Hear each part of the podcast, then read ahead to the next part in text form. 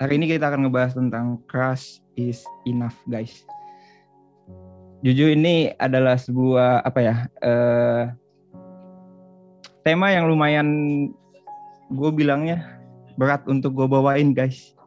Karena setelah kita ngomongin bulan lalu ya redup dan di bulan ini kita ngomongin tentang crush, bagaimana ketika kita belajar tentang redup dan saat ini kita gue melihat bahwa redup ke keras itu kayak makin dalam gitu loh guys. Jadi kayak lu lagi redup nih terus akhirnya kita dapat api. Dan ketika dapat api kita belajar tentang keras tentang dihancurkan. Itu gue merasa kayak gila ya maksudnya yang di mana seharusnya kita lagi on fire malah kita belajar bagaimana caranya ketika kita on fire dihancurkan.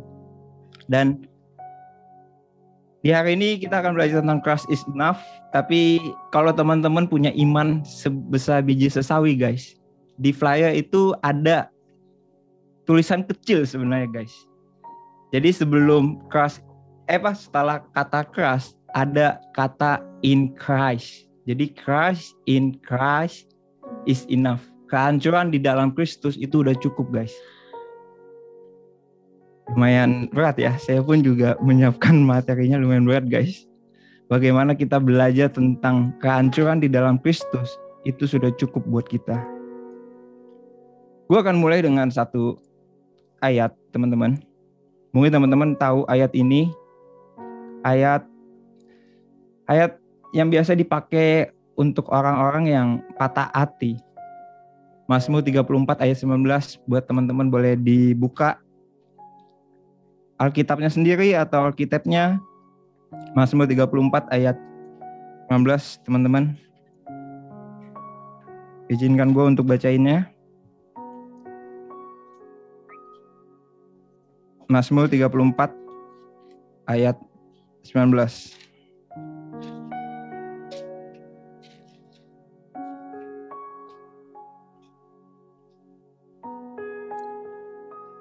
Ayat 19 ya guys, bukan 14 sorry. Mazmur 34 ayat 19. Dibilang begini. Tuhan itu dekat kepada orang-orang yang patah hati dan ia menyelamatkan orang-orang yang gemuk jiwanya. Ayat ini mengingatkan gue ke satu pertanyaan yaitu pertanyaan yang gue tanya ke diri gue sendiri sebenarnya.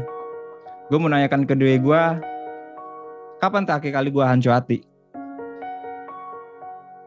Kapan terakhir kali gue merasakan kehancuran di dalam Tuhan?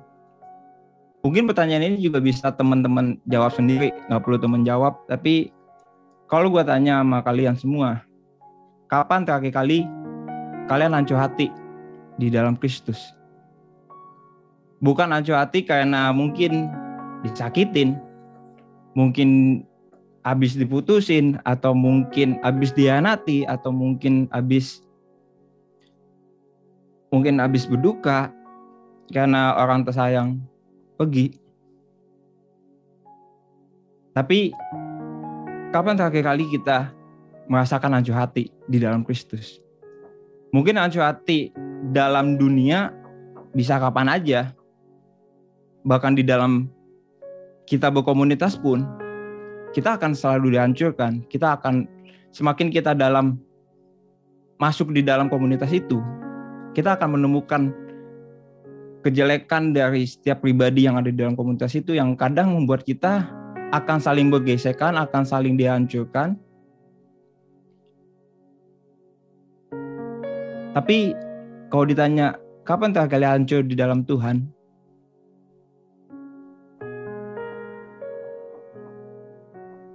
gue waktu itu sempat lumayan lama mikir tentang kapan ya gue terakhir hancur dalam Tuhan ya. Kayaknya gue udah lama banget gak hancur dalam Tuhan.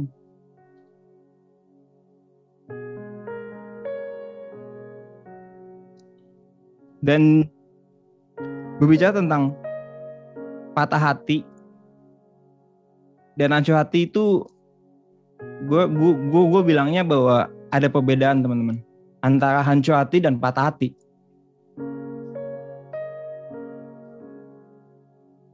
kalau patah hati itu masih ini ini ini, ini menurut gue aja ya patah hati itu masih di tahap istilahnya kalau ada level patah hati itu di level satu.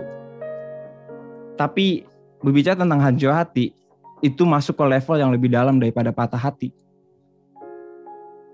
Kalau teman-teman melihat sebuah benda hancur misalnya kayak tulang patah gitu masih bisa diobatin maksudnya masih bisa disambung gitu kalau patah misalnya kayu patah masih bisa dilem. Tapi kalau hancur gue melihat bahwa hancur itu udah nggak bisa di apa-apain lagi. Hancur itu udah bener-bener kayak udah nggak berbentuk lah istilahnya. Di sini yang mau gue tekanin ke kita semua ketika kita ikut Tuhan jangan sampai kita hanya di tahap patah hati.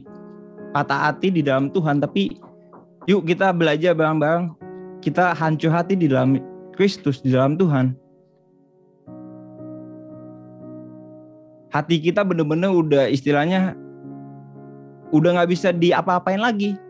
Tapi dengan kematian Yesus, dialah yang memulihkan hati kita guys. Dia yang memulihkan hati kita yang mungkin udah berantakan, acak adut dan lain-lain. Hanya dia. Karena di Yeskiel 36 ayat 26 dibilang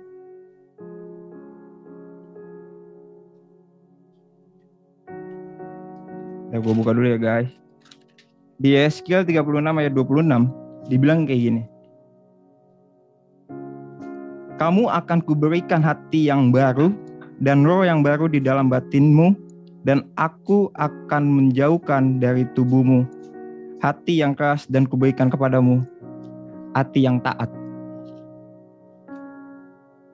Jadi teman-teman,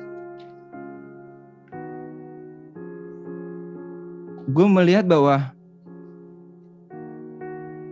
seharusnya kita sebagai pengikut Kristus, seharusnya kita harus hancur hati setiap hari di hadapan Tuhan. Kita harus benar-benar apa ya? Kayak bilang ke Tuhan, Tuhan gue mau setiap hari gue hancur hati dalam Tuhan.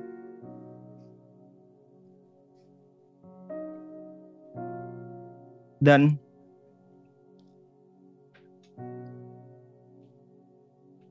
gue gue merefleksi dalam kehidupan gue sih. Gue sering kali doa gue sering kali worship. Gue menangis. Gue merasa ketika gue menangis gue udah hancur hati di dalam Tuhan. Tapi ketika gue bikin materi ini gue merasa bahwa ketika gue nangis ketika gue doa dan ketika gue worship misalnya gue nangis gue sebenarnya nggak bener-bener hancur hati gue cuman ke bawah suasana. Temen gue lagi worship mungkin di, karena kita lagi di komunitas kita lagi di gereja. Kita doa kita datang ke Tuhan kita nangis.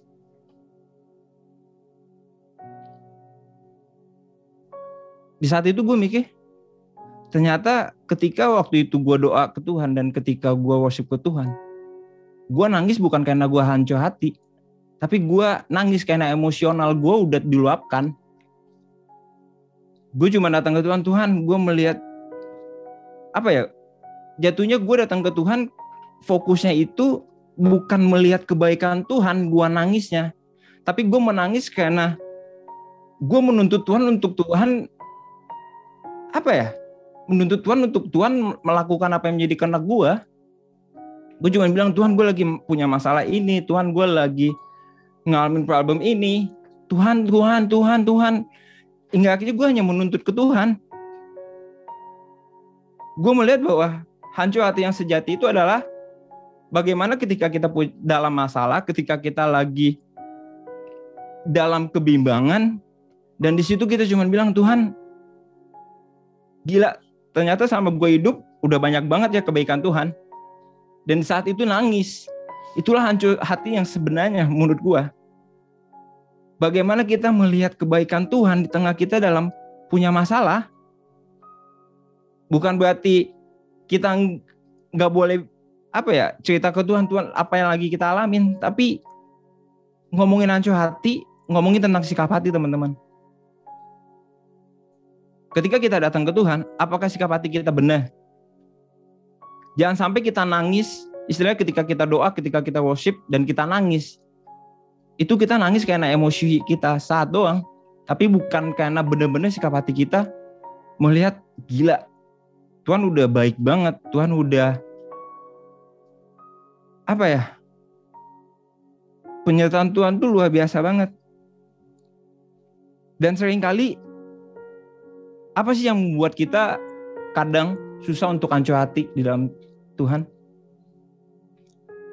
Gue ada empat, mungkin ada lebih banyak, tapi yang gue dapat empat hal yang membuat kita susah untuk kita hancur hati. Yang pertama adalah dosa. Seringkali ketika kita melakukan dosa,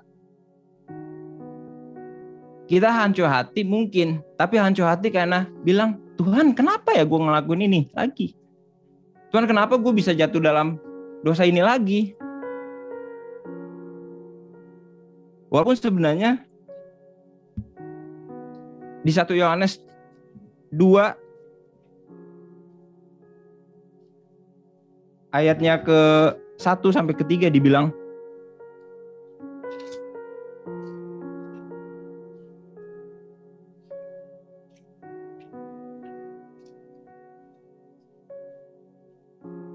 Anak-anakku, hal-hal ini kutuliskan kepada kamu, supaya kamu jangan berbuat dosa.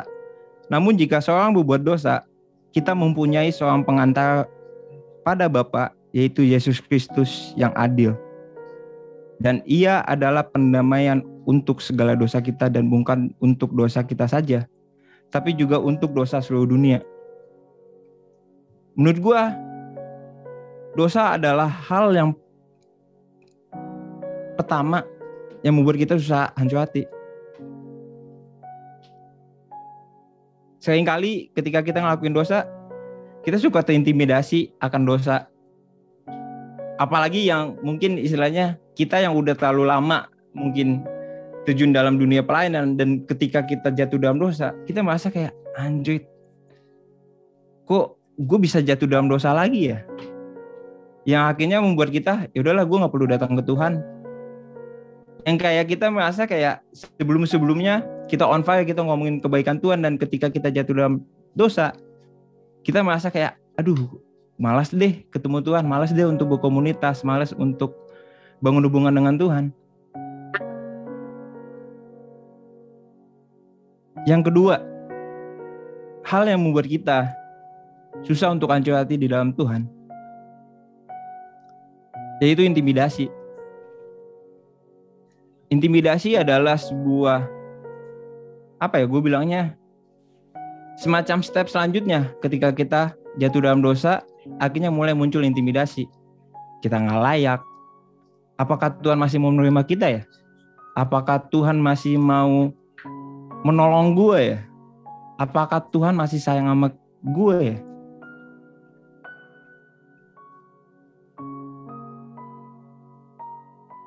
intimidasi tuh gue merasa kayak kemarin Sam Sam baru cerita ke gue dia bilang men tolong doain gue ya. Kenapa? Ya nih gue lagi terintimidasi nih dengan perasaan gue terus di situ gue cuma bilang ke Sam kayak santai aja men. Kenapa gue bilang kayak gitu? Santai aja men. Karena gue pun juga ngalamin hal itu juga gue yang udah empat tahun istilahnya empat tahun dalam dunia pelayanan gue tetap merasakan intimidasi guys. Kayak ketika gue bikin materi pun gue masa lu kayaknya nggak cocok deh untuk bagiin. Lu kayaknya nggak cocok deh untuk sharing. Bahkan waktu itu gue beberapa kali bilang Kaleb men kayaknya gue nggak jangan disuruh sharing dulu deh. Gue kayaknya nggak layak gue nggak kayaknya ini bukan bukan bagian gua untuk gua mensharingkan firman Tuhan. Itu intimidasi. Dosa, intimidasi. Dan yang ketiga yang buat kita susah hancur adalah fokus akan masalah. Kita hanya fokus akan masalah. Teman-teman, gue cuma mau bilang, selama kita hidup di dunia, masalah akan selalu ada sekalipun istilahnya gue agak apa ya agak me, uh, agak ekstrim sekalipun seorang gembala seorang mungkin yang kita melihat dari luar gila nih hidupnya suci banget. Tapi gue merasa bahwa mereka pun punya masalah. Setiap kita 26 orang yang ada di Zoom ini kita semua punya masalah yang berbeda satu sama lain. Tapi gue cuma mau bilang jangan fokus pada masalah karena kalau kita fokus sama masalah kita nggak akan bisa hancur hati di dalam Tuhan. Kita cuma bisa ngeluh ke Tuhan, kita cuma bisa menuntut ke Tuhan, kita cuma bisa istilahnya memaksakan kehendak kita yang jadi bukan kehendak Tuhan yang jadi.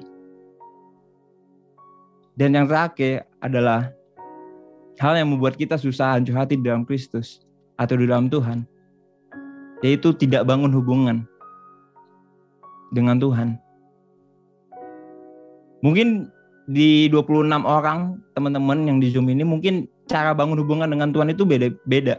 Mungkin nggak semuanya sama. Mungkin ada yang bisa melalui doa, dengan ucapan, dengan worship. Tapi kalau kita nggak bangun hubungan dengan Tuhan setiap hari, akan sulit untuk kita bisa hancur hati. Sesimpel bagaimana Tuhan mau hancurin hati kita kalau kita nggak datang ke Tuhan. Bagaimana Tuhan mau ngebentuk hati kita kalau kita nggak datang ke Tuhan?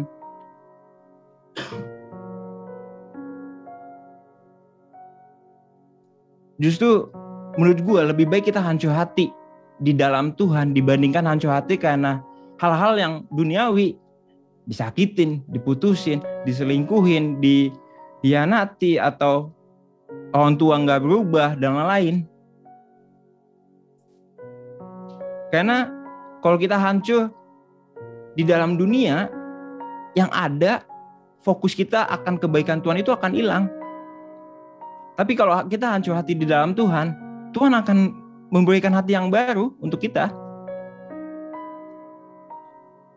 Malah justru setiap hari kalau perlu Tuhan hancurkan hati kita, hancurkan.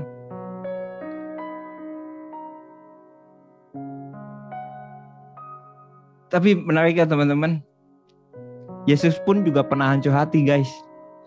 Seorang Yesus yang melakukan banyak mukjizat, yang istilahnya dia mau nyiptain apa pun juga bisa, tapi seorang Yesus dia pun juga hancur hati teman-teman.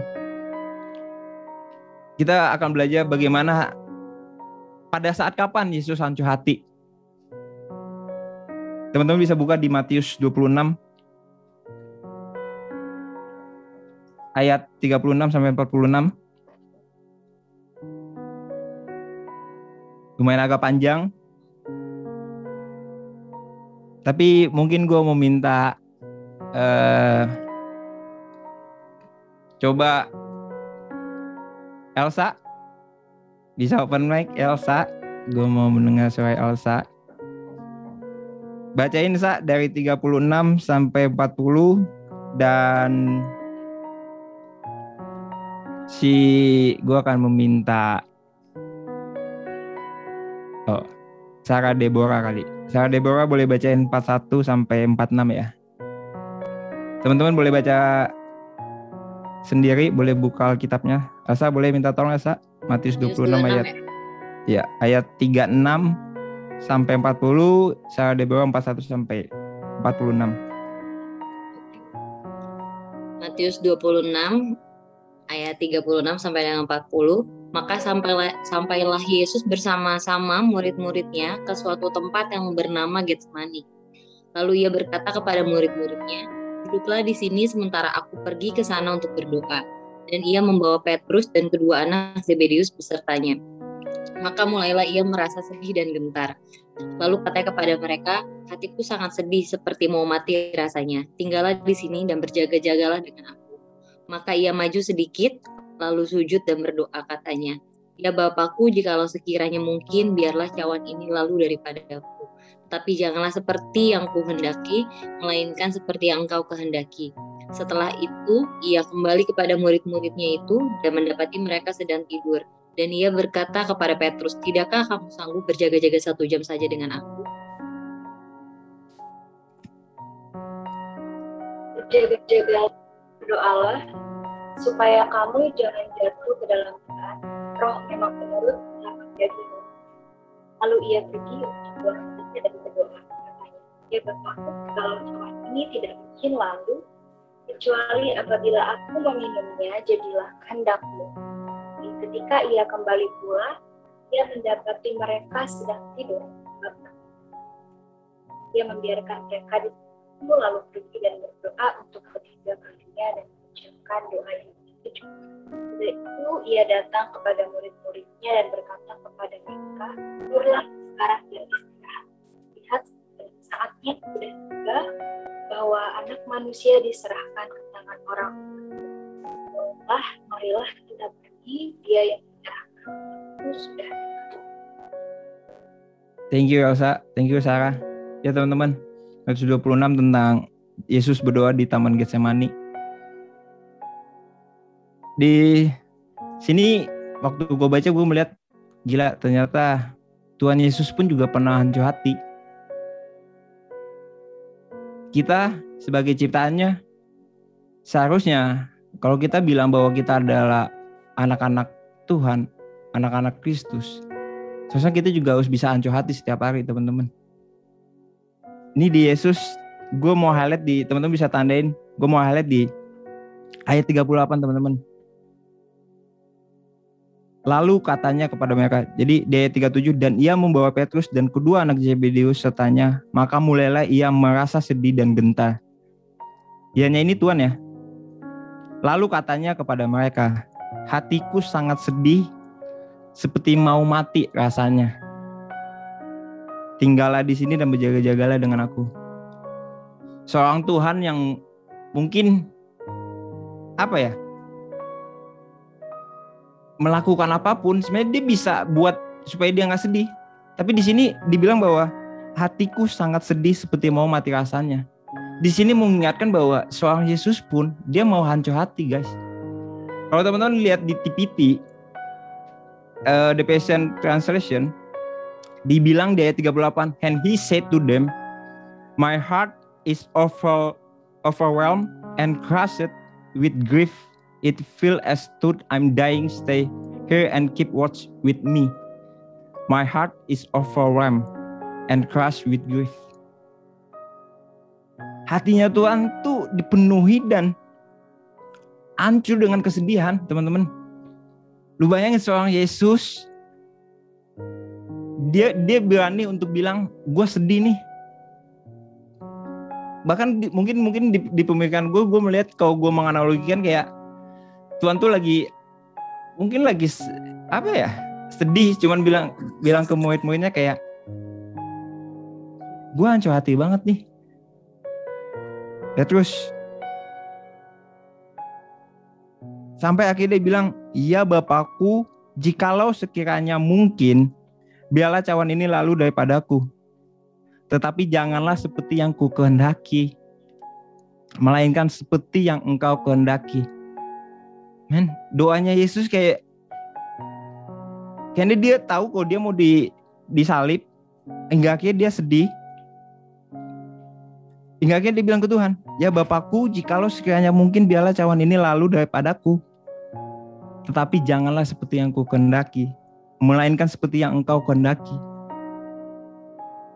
Seharusnya kita doa juga kayak gini. Tuhan, gue punya masalah. Tapi gue nggak mau fokus akan masalah ini. Gue tahu ada rencana Tuhan yang lebih indah akan masalah ini. Tuhan, gue punya masalah tapi biarlah kehendak Tuhan yang jadi. Bisa nggak sih kita doa kayak gini ke Tuhan? Ketika kita datang dengan sikap hati yang benar, kita bilang, Tuhan, gue nggak mau kehendak gue yang jadi, biar kehendak Tuhan yang jadi. Sampai tiga kali Yesus ngomong gitu, dia cuma doanya gitu, Tuhan,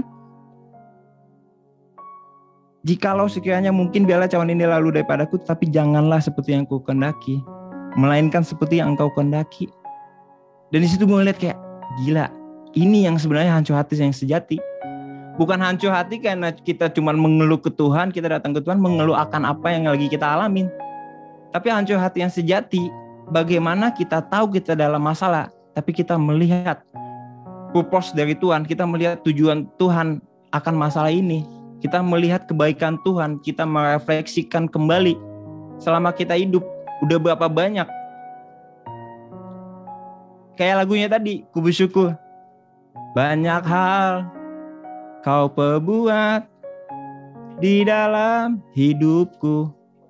Sebenarnya Tuhan udah selama, selama kita hidup sebenarnya Tuhan udah terlalu banyak ngelakuin hal baik dalam kehidupan kita teman-teman. Tapi balik lagi, kita mau fokusnya akan masalah atau kebaikan Tuhan. Sehingga kali masalah ada, hingga akhirnya menghilangkan atau kita nggak bisa mengingat kebaikan Tuhan dalam kehidupan kita.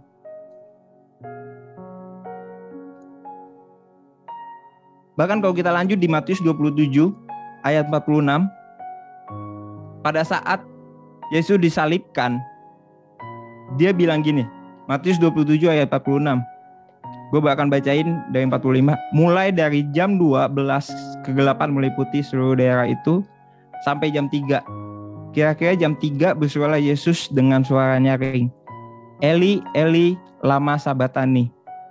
Artinya, Allahku, Allahku, mengapa engkau meninggalkan aku?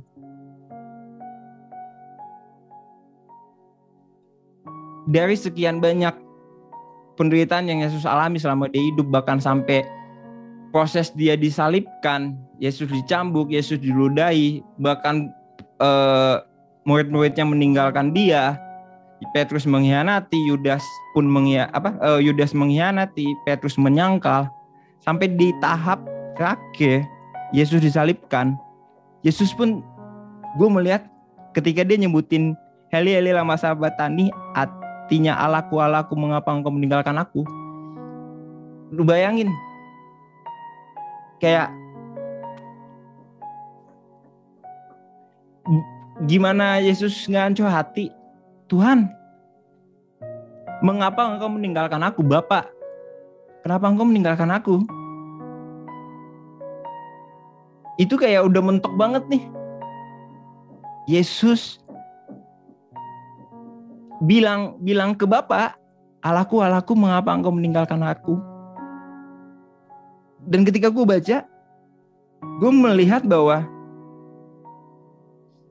yang membuat hatinya Yesus hancur sampai dia bisa bilang Allahku Allahku mengapa engkau meninggalkan aku? Bukan hanya karena dia mati di kayu salib bukan karena dia menebus dosa kita bukan hanya karena dia dihanati dia diludahi atau apa pun tapi kehancuran hati Yesus itu ketika dia terpisah hubungan dengan Bapa. Itu yang membuat hatinya Yesus hancur. Allahku, Allahku, mengapa engkau meninggalkan aku? Gua rasa ekstrimnya Yesus mungkin melewati fase dia diludahi, dia dihanati, dia disakitin, dia berbagai macam yang Yesus alami itu nggak lebih hancur dibandingkan ketika saat Yesus di kayu salib dan dia bilang ke Bapa, Eli Eli lama sabatani, Allahku, Allahku, mengapa engkau meninggalkan aku? Mungkin ketika penderitaan dia di kayu salib itu Yesus bisa lewati, tapi Yesus nggak bisa lewati ketika dia harus kepisah dengan Bapa. Sedangkan kita, ketika kita nggak bangun hubungan dengan Tuhan, kita masih aman-aman aja. Sedangkan Yesus, Yesus nggak aman guys, ketika dia harus terpisah dengan Bapa. Sampai dia harus bilang Eli Eli lama sabatani. Sedangkan kita, kita merasa fine-fine aja ketika kita nggak bangun hubungan dengan Tuhan ketika kita mungkin apa ya ketika kita lebih memilih duniawi kita fine fine aja seharusnya itu menjadi alarm ketika kita nggak bangun hubungan dengan Tuhan itu kita harus itu menjadi alarm buat kita sesimpel gila hari ini kok gue nggak nggak bangun hubungan dengan Tuhan. Ya udahlah nanti aja deh masih ada hari esok. Kalau masih ada hari esok. Kalau nggak ada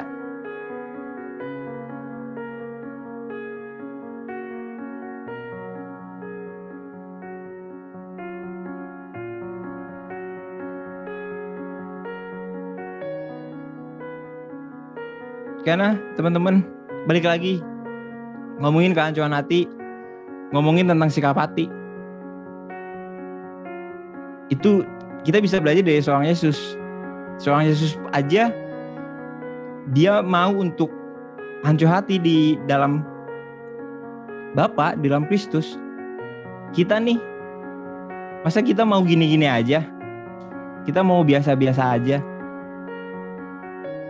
Percayalah teman-teman, kehancuran di dalam Kristus akan menghasilkan sebuah buah atau mungkin menghasilkan sebuah pertobatan.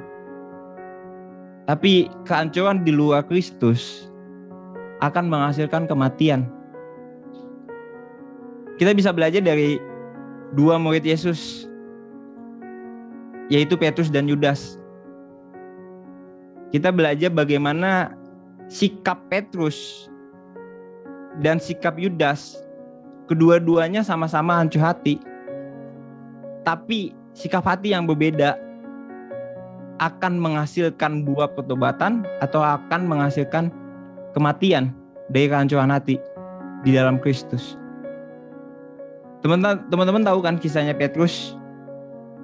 Dia menyangkal Yesus. Kalau di Matius 26 ayat 31 sampai 35, gue bacain aja. Maka berkatalah Yesus kepada mereka, ini uh, Yesus ngasih tahu nih, malam ini kamu semua akan tergoncang imanmu karena aku, sebab ada tertulis aku akan membunuh gembala dan kawanan domba itu akan tercerai berai. Akan tetapi sudah aku bangkit, aku akan mendahului mendahului kamu ke Galilea. Petrus menjawabnya, biarpun mereka semua tergoncang imannya karena engkau, aku sekali sekali kali tidak. Yesus berkata kepadanya, sesungguhnya malam ini Sebelum ayam berkokok, engkau telah menyangkal aku tiga kali. Kata Petrus kepadanya, Sekalipun aku harus mati bersama-sama engkau, aku tak akan menyangkal engkau. Semua murid yang lain pun berkata demikian. Dan lanjut di ayat 69. Singkat cerita Yesus ditangkap dan akhirnya di situ eh, sampailah kejadian di mana Yesus menyangkal Yesus. Di ayat 69 dibilang bahwa sementara itu Petrus duduk di luar halaman, maka datanglah seorang hamba perempuan kepadanya katanya, "Engkau juga selalu bersama-sama dengan Yesus orang Galilea itu." Tetapi ia menyangkalnya di depan semua orang katanya, "Aku tidak tahu apa yang engkau maksud." Ketika ia pergi ke pintu gerbang, seorang hamba lain melihat dia dan berkata kepada orang-orang yang ada di situ, Orang ini bersama-sama dengan Yesus orang Nazaret itu. Dan ia menyangkalnya pula dengan bersumpah, aku tidak kenal orang itu. Tidak lama kemudian orang-orang yang ada di situ datang kepada Petrus dan berkata, pasti engkau juga salah seorang dari mereka itu nyata dari bahasamu. Maka mulailah Petrus mengutuk dan bersumpah, aku tidak kenal orang itu dan pada saat itu berkokoklah ayam.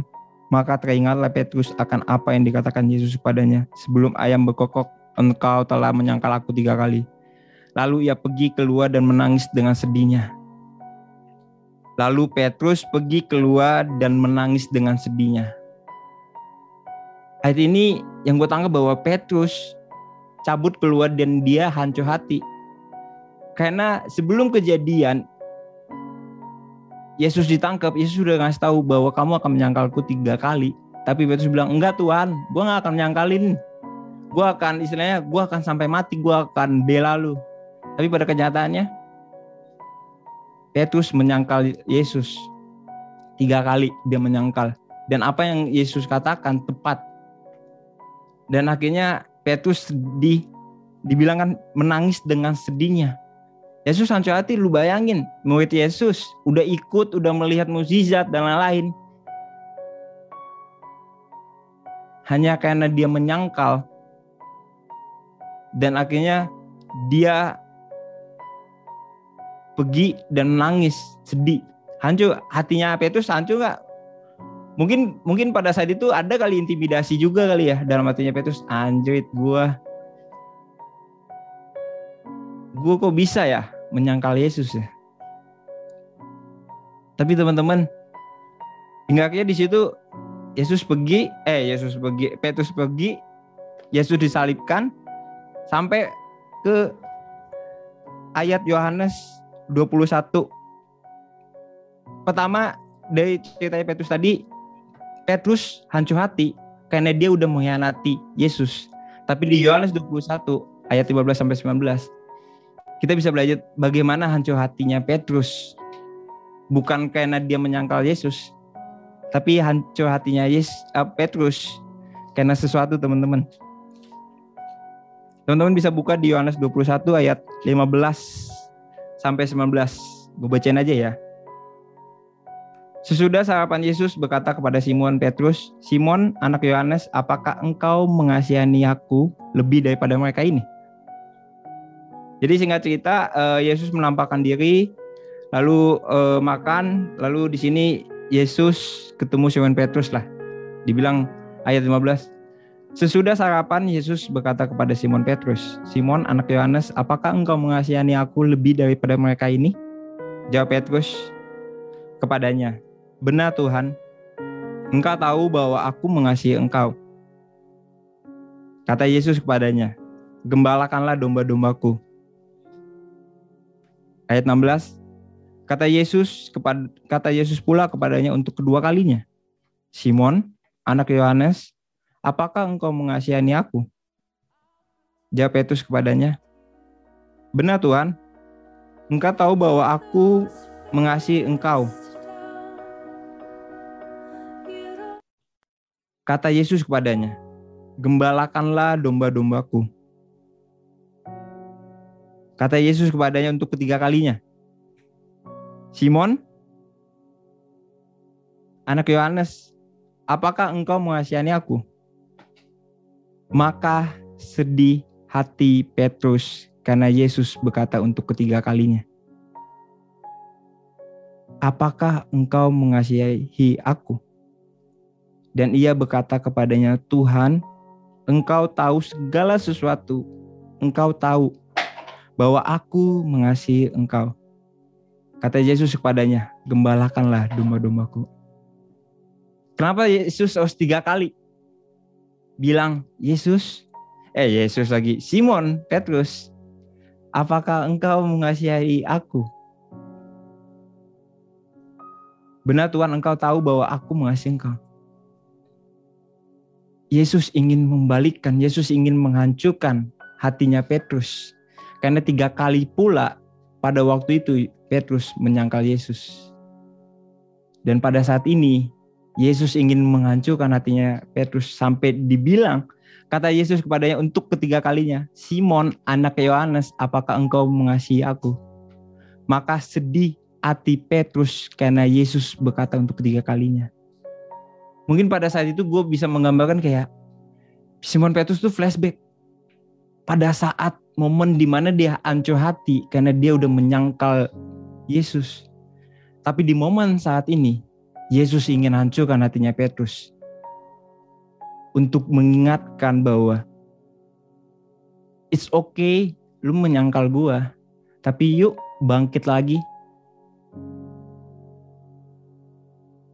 yuk hancur hati lagi.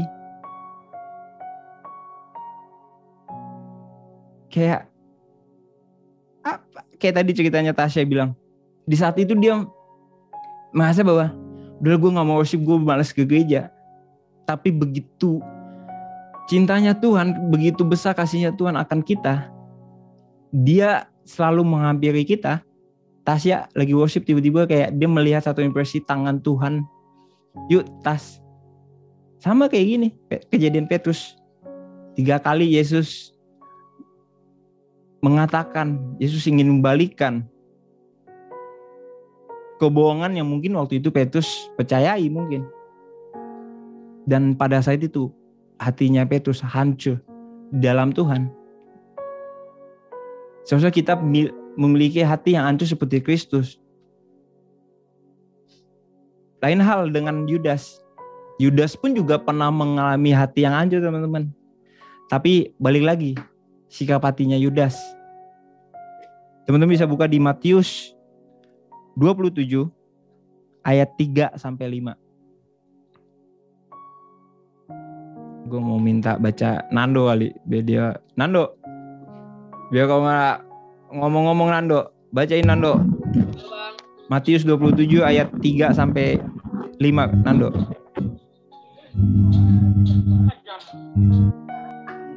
Ayo Nando, jangan kau bercanda-canda Nando.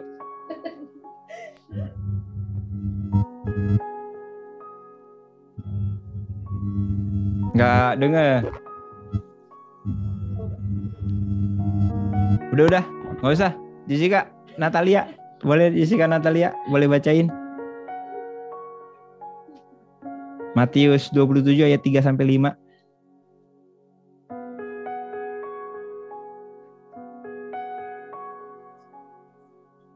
ayat 3 sampai 5. Yes, ayat 3 sampai 5.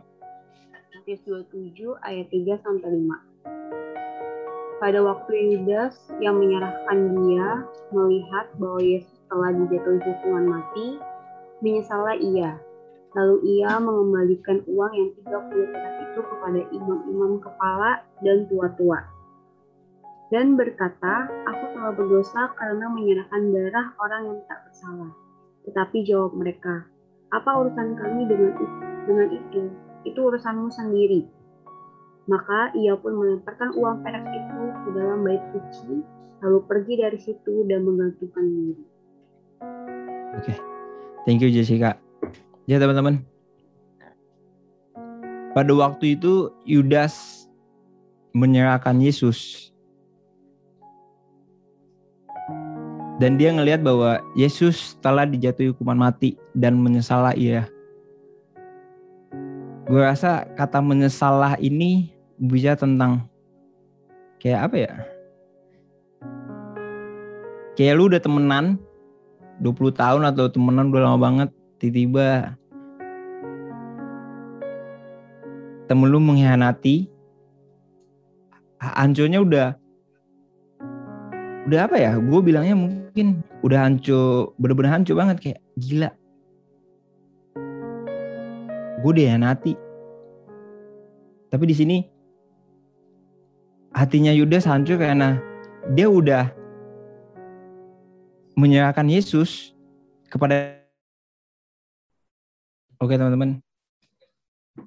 Kita kembali lagi ya. Tadi saking hancur hatinya di sini pada nangis makanya kita harus di stop dulu ya oke teman-teman. Balik ke kisah Yudas ya teman-teman tadi.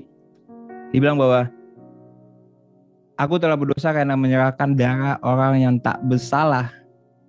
Tetapi jawab mereka apa urusan kami dengan itu? Di situ kayak gue melihat bahwa hatinya Yudas tuh hancur. Tapi sikap hatinya yang salah.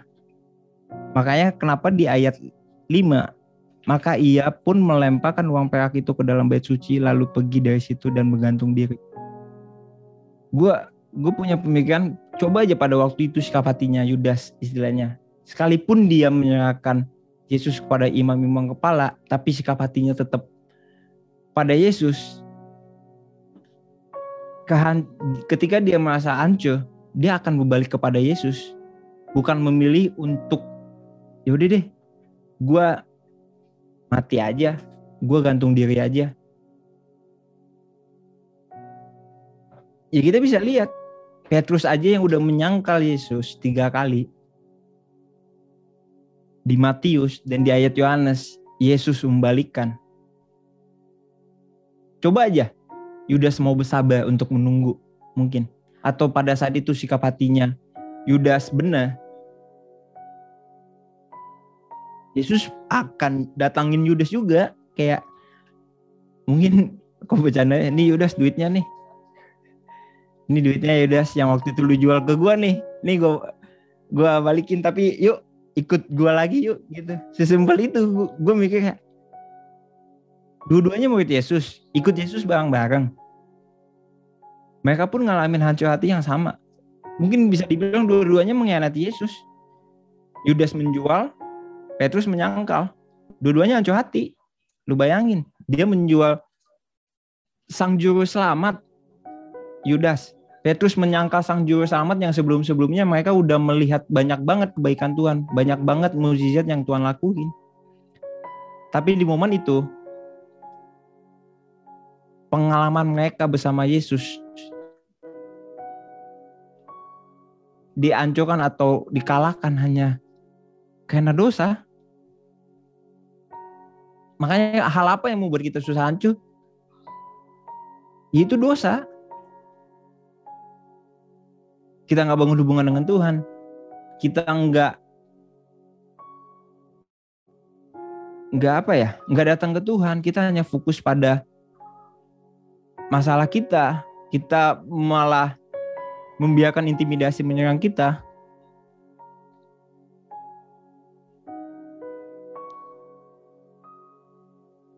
Dari kejadian Yudas, kita melihat bahwa ngomongin hancur hati itu hanya bisa didapatkan dengan hubungan kita dengan Tuhan yang kita bangun terus menerus. Tapi dengan sikap hati yang benar ya teman-teman. Seringkali kita mungkin kayak worship atau ya simpelnya worship lah kita sering kali melihat bahwa ketika kita nangis, ketika kita worship itu adalah tahap paling mentok bahwa gila gue hancur hati. Menurut aku enggak teman-teman. Enggak selalu ngomongin tentang nangis kok, ngomongin tentang hancur hati. Enggak selalu. Tapi ngomongin hancur hati, ngomongin tentang sikap hati. Ketika ketika kita worship dan kita bilang Tuhan, Tuhan baik banget ya. Tuhan terima kasih untuk kebaikanmu. Tuhan terima kasih untuk cintamu. Tanpa perlu nangis. Tapi kita emang benar-benar selaras sikap hati kita benar.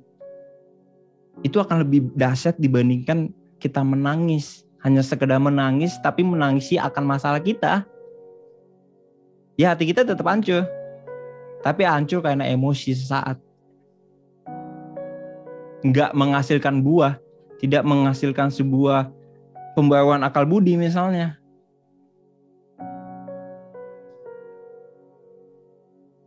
Jadi kalau ditanya teman-teman, bagaimana kita bisa hancur hati dalam Kristus? Ya sikap hati kita, kita harus benerin. Apakah kita udah bener-bener? Ketika kita datang, apakah benar-benar sikap hati kita? Mungkin pemikiran ekstrim gue adalah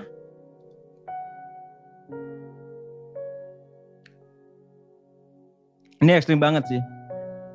Kalau emang sikap hati kita lagi nggak mau datang ke Tuhan, ya apa ya nggak usah dipaksain. Misalnya kayak dibandingkan kita cuma datang ke Tuhan tapi sikap hati kita nggak ke Tuhan, menurut gue lebih baik di keep dulu nih ini ekstrim gue aja ya. Gue mah berlalu biarlah kehendak Tuhan yang jadi. Itu emang agak ekstrim sih teman-teman. Pemikiran gue bahwa kalau emang sikap hati lu lagi nggak benar ya sebaiknya nggak usah datang ke Tuhan dulu. Ini ekstrim ya teman-teman. Tapi teman-teman harus sadar bahwa apa ya gue bilang kayak stop datang ke Tuhan hanya untuk menuntut Tuhan. Emang Tuhan jin? Tuhan adalah apa ya? Dukun misalnya kayak gue pingin kaya akhirnya gue datang ke Tuhan. Tapi seharusnya kita datang ke Tuhan dengan sikap hati yang pengen dihancurkan teman-teman karena kehancuran di dalam Kristus itu sebenarnya udah cukup. Gue akan tutup dengan cerita gue. Karena mungkin ini ini adalah kehancuran hati gue setelah beberapa tahun gue hancur hati. Ya waktu gue kemarin sama anak-anak shocking di Supak. Jadi uh, kita worship, kita nyembah Tuhan, awalnya apa ya? Uh, sikap hati gue kayak aduh rame lagi. Gue kayaknya gue nggak bisa mengekspresikan diri gue nih gitu. Aduh diliatin. Gue banyak banget intimidasi ya ya lalu berekspresi karena biar dilihat kan dan lain-lain gitu. Terus akhirnya di situ gue gelisah. Akhirnya gue menyendiri teman-teman gue pisah sama anak-anak yang lain gue menyendiri gue worship dan pas worship gue datang ke Tuhan dengan keadaan mengeluh. Teman-teman mungkin yang deket sama gue tahu bahwa gue adalah orang yang sesantai itu. Bahkan di kesaksian-kesaksian gue sebelumnya gue bilang bahwa Tuhan itu baik, Tuhan itu dahsyat. Gue gue merasakan banyak banget kebaikan Tuhan. Gue merasa bahwa Tuhan selalu menolong gue gitu. Bahkan dalam kehidupan gue yang seorang freelancer yang pada situ gue bilang hidup gue aman kok Tuhan nggak pernah ngebiarin rekening gue tuh nol tapi pada saat gue shocking di saat itu gue lagi ke distrik dengan satu pertanyaan di dalam pemikiran gue Jones lu masih bisa hidup nggak dengan duit segini? Di saat itu gue langsung ke distract. Pikiran gue hati gue ke distract. Akhirnya gue cuma datang ke Tuhan. Tuhan gue masih bisa hidup nggak dengan duit gue segini? Gue masih bisa hidup nggak dengan tabungan gue saat ini? Gue nggak ada kerjaan. Gue udah coba apply kok gue nggak dapat dapat dan lain-lain gue cuma gue juga cuma gue cuma datang ke Tuhan cuma mengeluh Tuhan Tuhan ayo dong kehendak gue yang jadi. Sampai akhirnya di saat itu masuklah lagu kubus syukur bapak pas lagu kubus syukur bapak waktu awalnya mulai aja di situ gue cuma ancuh gue baru merasakan kayak ini ancuh hati gue setelah beberapa tahun yang lalu. Kayak sebelum itu lagu gue cuma ngadu ke Tuhan. Tuhan kapan gue dapet kerjaan? Tuhan kapan gue punya financial freedom? Tuhan kapan? Masa gue udah melayani gue nggak dapat apa-apa dan lain-lain gitu. Kayak apa yang gue lakukan ini ya sia-sia dan lain-lain. Tapi pas lagu itu di awalnya cuma bilang banyak yang kau perbuat di dalam hidupku di situ gue langsung men-change hati gue yang sebelumnya gue datang ke Tuhan hanya meminta supaya Tuhan mengkehendaki apa yang menjadi kemauan gue tapi pada saat itu gue cuma ganti hati gue. Tuhan, gue merefleksikan kebaikan Tuhan. Dan di situ gue cuma nangis. Gue nangis bukan karena emosi gue. Tapi gue nangis karena gue melihat kayak gila. Ternyata selama 23 tahun udah terlalu banyak kebaikan Tuhan yang gue tuh yang gue alami bersama Tuhan. Dan situ gue cuman hancur gue cuman bilang kayak Tuhan ini gue gue tahu gue punya masalah tapi gue mau serahin kehidupan gue untuk memuliakan nama Tuhan dan di saat itu gue cuman bisa bluetooth gue cuman bisa nangis sampai pada waktu itu saling mendoakan gue nggak mau gue lumayan egois gue bilang Tuhan gue lagi hancur hati nih gue pingin quality time sama Tuhan tapi tiba-tiba Kaleb datang ke gue dan kalimat yang Kaleb keluarin itu menghancurkan hati gue lebih dalam lagi. Karena waktu gue datang ke Tuhan, pada shocking itu gue cuma nanya ke Tuhan. Tuhan, kenapa Tuhan pilih gue ya? Tuhan, kenapa Tuhan mati di kayu salib? Kenapa Tuhan segitunya mengejar gue untuk gue balik ke Tuhan? Dan pada saat itu Kaleb doain gue. Gue menemukan jawabannya. Kaleb cuma bilang, men gue gak tahu gue cuma dapat satu kata. Kudus.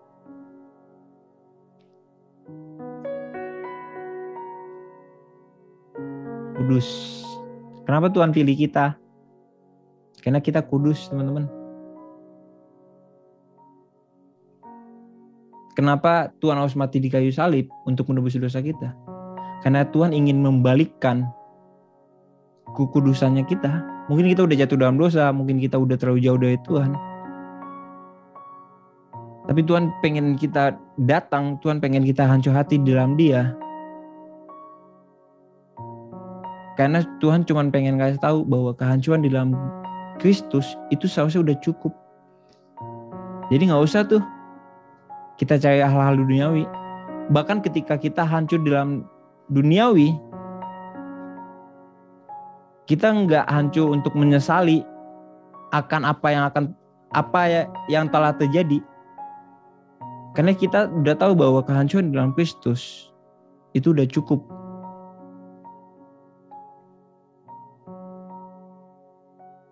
Jadi teman-teman, kalau Yesus saja hancur hati karena takut berpisah dengan Tuhan,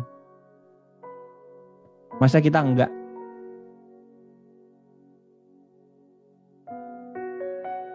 Jadi teman-teman, gue akan tutup dengan satu pertanyaan. Teman-teman boleh refleksikan ke dirinya teman-teman. Kapan terakhir kali teman-teman hancur hati di dalam Kristus?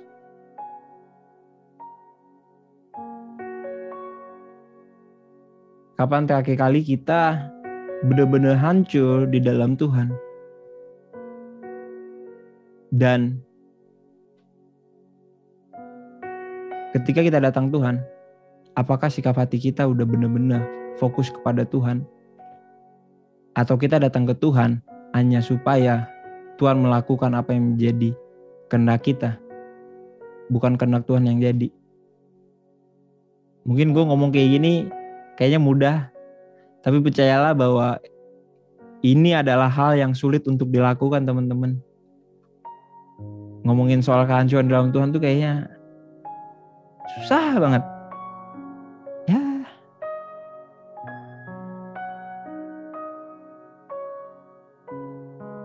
Itulah teman-teman. Teman-teman harus percaya bahwa Yesus saja dia rela tuh hancur hati dalam apa ya? Yesus saja rela hancur hati kita yang bilang bahwa kalau kita bilang bahwa kita adalah anak anak Kristus dan kalau kita nggak mau hancur hati di dalam Tuhan, kayaknya kita harus selidiki lagi deh. Selama ini fokus kita ke Tuhan atau fokus kita akan diri kita. Jadi seharusnya kehancuran hati kita di dalam Kristus akan membuat kita tidak self-centered tapi akan membuat kita menjadi God center. Jadi ketika teman-teman menghadapi kesakitan hati, disakiti, diselingkuhin, diputusin dan lain-lain, ya kita udah bisa melewatinya karena ya itu bukan seberapa. Gue pengen mengejar kehancuran hati gue di dalam Kristus. Jadi itu teman-teman miliki gaya hidup seperti Kristus, guys. Karena kita akan, kalau kita bangun hubungan dengan Tuhan, percayalah bahwa Tuhan akan selalu menghancurkan hati kita. Dan ya siap-siap hancur hati. Diputusin, hancur sih hancur. Tapi percayalah, itu hanya membuat kita lupa. Guys jadi buat teman-teman yang lagi mungkin hancur hati akan diputusin disakitin dan lain-lain bilang gue gua mau stop hancur hati akan dunia tapi gue mau hancur hati di dalam Kristus. Karena hancur hati di dalam Kristus itu udah cukup. Dan yuk teman-teman let's pray nah kita bersatu dalam doa. Bapak yang baik, Bapak yang makasih, terima kasih Tuhan untuk kebenaran firman-Mu Bapak. Terima kasih untuk cintamu, terima kasih untuk pengobatanmu, terima kasih untuk kematianmu di kayu salib Bapak. Dan kami mau menyerahkan kehidupan kami Bapak, kami mau hancur hati di dalam Kristus, bahkan kami ingin berkatakan bahwa hancur di dalam Kristus itu udah cukup Tuhan. Kami mau menyerahkan hati kami setiap hari untuk dihancurkan Tuhan. It's okay Tuhan, kami hancur dalam Kristus. Karena kami tahu dengan kami hancur di dalam Tuhan, Tuhan akan menggantikan dengan hati yang baru. Hati untuk taat. hati yang keras akan Tuhan lembutkan. Bahkan dengan kehancuran hati kami dengan Tuhan, kami akan bisa menjadi berkat. Kami akan bisa menjadi pepanjangan kasihnya Tuhan. Kami rindu untuk setiap hati kami Tuhan dihancurkan. Dan kami siap untuk kau selalu bentuk Tuhan. Agar kami menjadi serupa dengan Kristus. Thank you Lord. Terima kasih Tuhan. Kami siap untuk dihancurkan lebih lagi hati kami dan kami mau hancur di dalam Tuhan. Thank you Jesus. In Jesus, haleluya. Amin.